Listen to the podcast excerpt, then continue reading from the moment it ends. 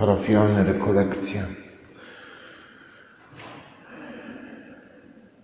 Rozpoczynamy naszą drogę wraz z Panem Jezusem. Ten ostatni tydzień, podążając Nim drogą krzyżową,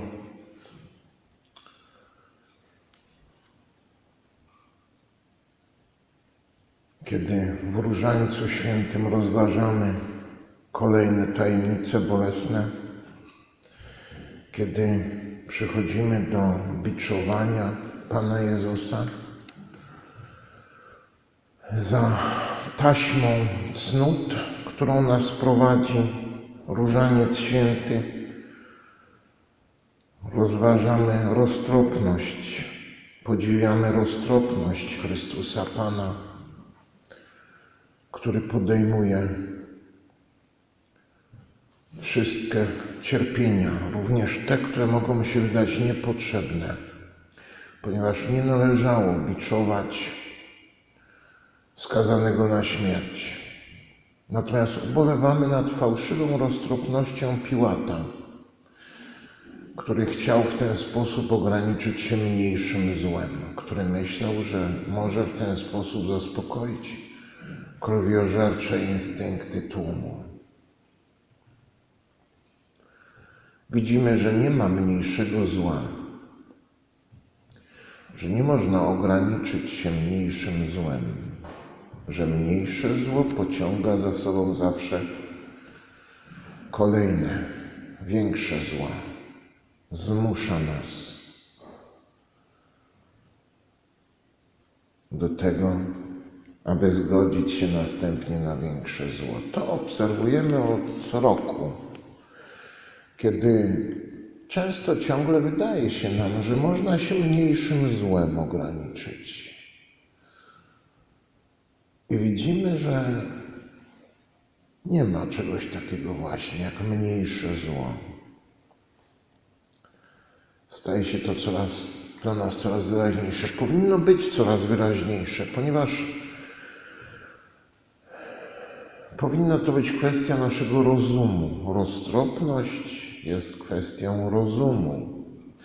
Drugi dar Ducha Świętego w tej drugiej tajemnicy różańcowej również widzimy i widzimy ten drugi dar Ducha Świętego, kiedy po raz drugi w Starym Testamencie zapowiadany był krzyż. A jak pokazuje nam święty Łukasz, Wszystkie tajemnice, w szczególności pokazuje dary Ducha Świętego, po trzykroć zapowiadane były w Starym Testamencie, upragnione ciągle w Ewangelii, wreszcie zesłane, wreszcie zrealizowane w życiu pierwszego Kościoła i zostaje siódmy raz te dary Ducha Świętego w naszym życiu wykonać nam samym w naszych czasach po tym, jak wykonał je pierwszy Kościół, wprowadził w życie. Tak po siedmiokroć widzimy, w szczególności dary Ducha Świętego świętego Łukasza.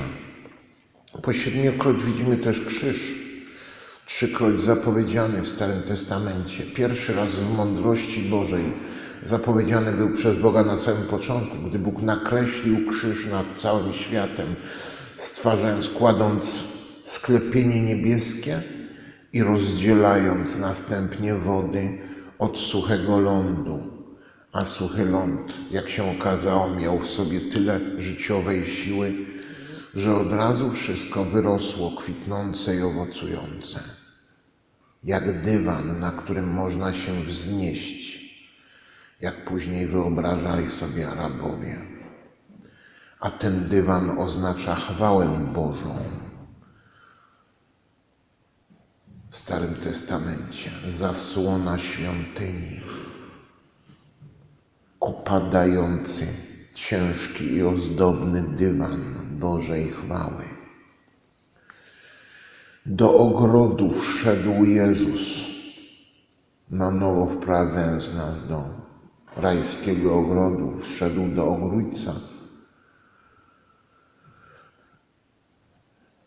ukazując nam mądrość Bożą. Ukazując sprawiedliwość, do której wykonania przystąpił. A teraz widzimy roztropność i ukazuje nam Jezus rozum Pana Boga, podejmując wszystko roztropnie dla naszego zbawienia, nie ograniczając się, przyjmując na siebie również biczowanie. I pokazuje nam, w jaki sposób rozumnie mamy podejść do naszych grzechów.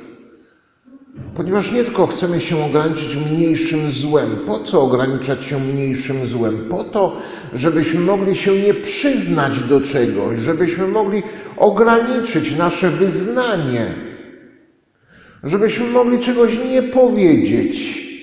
Po to jest nam potrzebne mniejsze zło. Żeby można było nie powiedzieć, że Jezus jest niewinny, ponieważ nikt tego nie przyjmie, że On jest niewinny. Roztropnie, jak się wydaje, w fałszywej roztropności uznaje Piłat, ograniczyć się mniejszym złem i wydaje Jezusa na ubiczowanie, że może krwiożercze tłumy w ten sposób się uspokoją. Nic z tego nie powiedzieć czegoś, ograniczyć się również w ten sposób. Druga zapowiedź Krzyża Świętego w Starym Testamencie, po tym jak Pan Bóg nakreślił krzyż nad całym światem w dziele stworzenia, jak wprowadził przez krzyż porządek w swojej mądrości, wszystko rozdzielając, porządkując. Drugi raz to kiedy Pan Bóg wydobywa nasze grzechy i wskazuje je. Kiedy mówi Mojżeszowi na pustyni, kiedy lud szemrał potajemnie i został ukarany przez zjadliwe węże, które kąsały ludzi tak, że wielu umarło.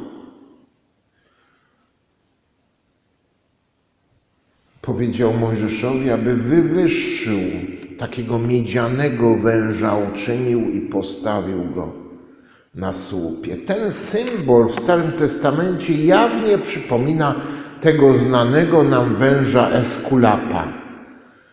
Symbol starożytny, grecki, pogański symbol lekarstwa, leczenia. Wystawiony na widok wąż którego jad bywa uzdrawiający, bywa lekarstwem. Ja, Pan, chcę być Twoim lekarzem, powiedział Pan Bóg, kiedy przeszli Morze Czerwone. Pierwszy raz Bóg siebie nazywa wprost w ten sposób, określa się jako lekarz. Wcześniej widzimy Boga jako rzemieślnika, który wydobywa żebro Adama i tworzy drugiego człowieka z tego. Ale także widzimy go jako lekarza, który zsyła głęboki sen. Lekarza, artystę, który swoją sztuką zsyła głęboki sen na człowieka, a także lekarza, który w ten sposób działa. I oto teraz Pan Bóg mówi wprost: Ja, Pan, chcę być Twoim lekarzem. Mówi to na pustyni, kiedy przeszli Morze Czerwone. Uzdrowienie nie może się dokonać bez tego, jeżeli nie ujrzymy swoich grzechów, jeśli nie przyznamy się do nich. Jeżeli nie powiemy sobie, że to efektem naszych grzechów jest to, co się stało, nie przyznamy się, że to nasza kultura cudzołóstwa nieustannego została osądzona przez ten miniony rok, przez to, że nie możemy jechać na dalekie podróże, że nie możemy od rana do nocy pracować, nie siedzieć w domu, przez to, że nie możemy biegać i szukać różnych smaków, jeść na mieście. To wszystko właśnie prowadzi do tych grzechów, które są określone w przykazaniu nie cudzołóż. To przykazanie nie koncentruje się wokół sypialni przede wszystkim, ale koncentruje się wokół stołu domowego. To Pan Bóg osądził w ciągu całego minionego roku. Ciekawe, czy jesteśmy w stanie to zrozumieć i się poprawić. Kiedy żyjemy w kulturze powszechnego cudzołóstwa w ten sposób, które prowadzi do tego, że pewne zachowania stają się normalne wśród nas. Zachowania ogólnie polegające na tym, że nie można wysiedzieć w domu.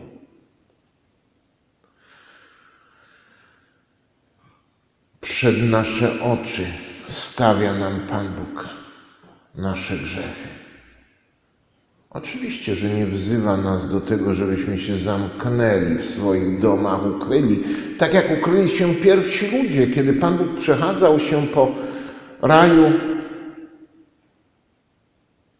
chciał odpoczywać wraz z człowiekiem, pyta, gdzie jesteś, a człowiek mówi, ukryłem, przestraszyłem się i ukryłem się, bo jestem nagi. Kiedy się ukrywamy, bardzo często to my przed sobą coś ukrywamy. Ukrywamy się przed prawdą o sobie. Wąż, który pełza wśród rajskiej roślinności, ukrywał się, musiał zostać wydobyty i postawiony na widok ludziom. A kiedy spojrzeli na swoje grzechy, na odbicie swoich grzechów, było to uzdrawiające dla nich spojrzenie. Tylko na co my patrzymy? Jak my tłumaczymy wszystko to, co się stało? Ciągle ktoś inny, coś innego jest winne. Innym bóstwom się kłaniamy.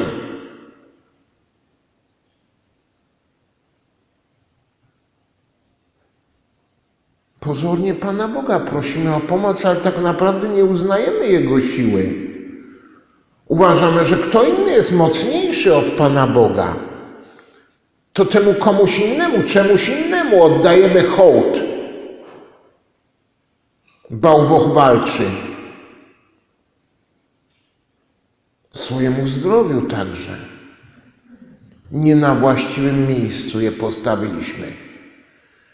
I nie to rozumiemy przez zdrowie, co należy rozumieć.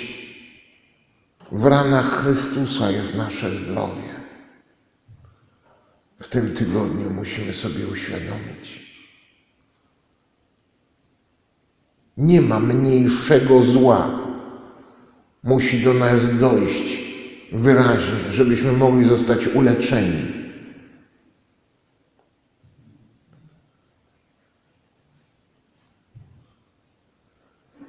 Błogosławieni płaczący dostaną obrońcę. To także błogosławieństwo rozważane w drugiej tajemnicy bolesnej różańca, kiedy rozważamy biczowanie Pana Jezusa. To On jest naszym obrońcą i przyjmuje na siebie to biczowanie. To On, kiedy przyszedł już na ziemię, urodził się od samego początku płaczem chociaż tak naprawdę przychodzi pocieszyć nas, którzy płaczemy, a wcale sobie z tego swojego płaczu, z tych swoich łez nie zdajemy sprawy.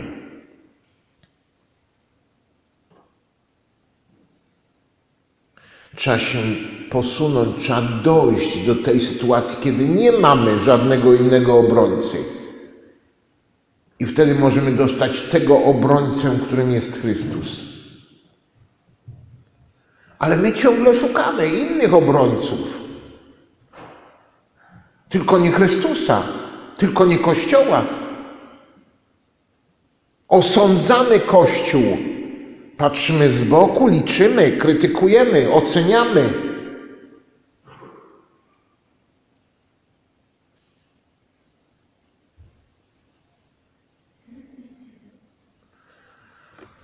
Musimy przed, postawić sobie przed oczy nasze grzechy, aby zostać uzdrowieni. To właśnie powinno być owocem i tych rekolekcji i, i tego Wielkiego Tygodnia, który się rozpoczyna. Dzisiaj także na zakończenie rekolekcji w ten odpust parafialny również możemy dostąpić odpustu, czyli darowania tych kar, które nam zostają odpokutować za nasze grzechy. Żeby mieć darowane grzechy, winy darowane mieć, musimy iść do spowiedzi. Ale wiemy, że pomimo odpuszczenia grzechów w spowiedzi pozostaje jakaś pokuta. To, co ksiądz mówi, że za pokutę coś mamy zrobić tylko symbolicznie. Ale są właśnie jakieś skutki naszych grzechów, które czasem pokutujemy i przez całe życie i komuś do czyśćca zostaje.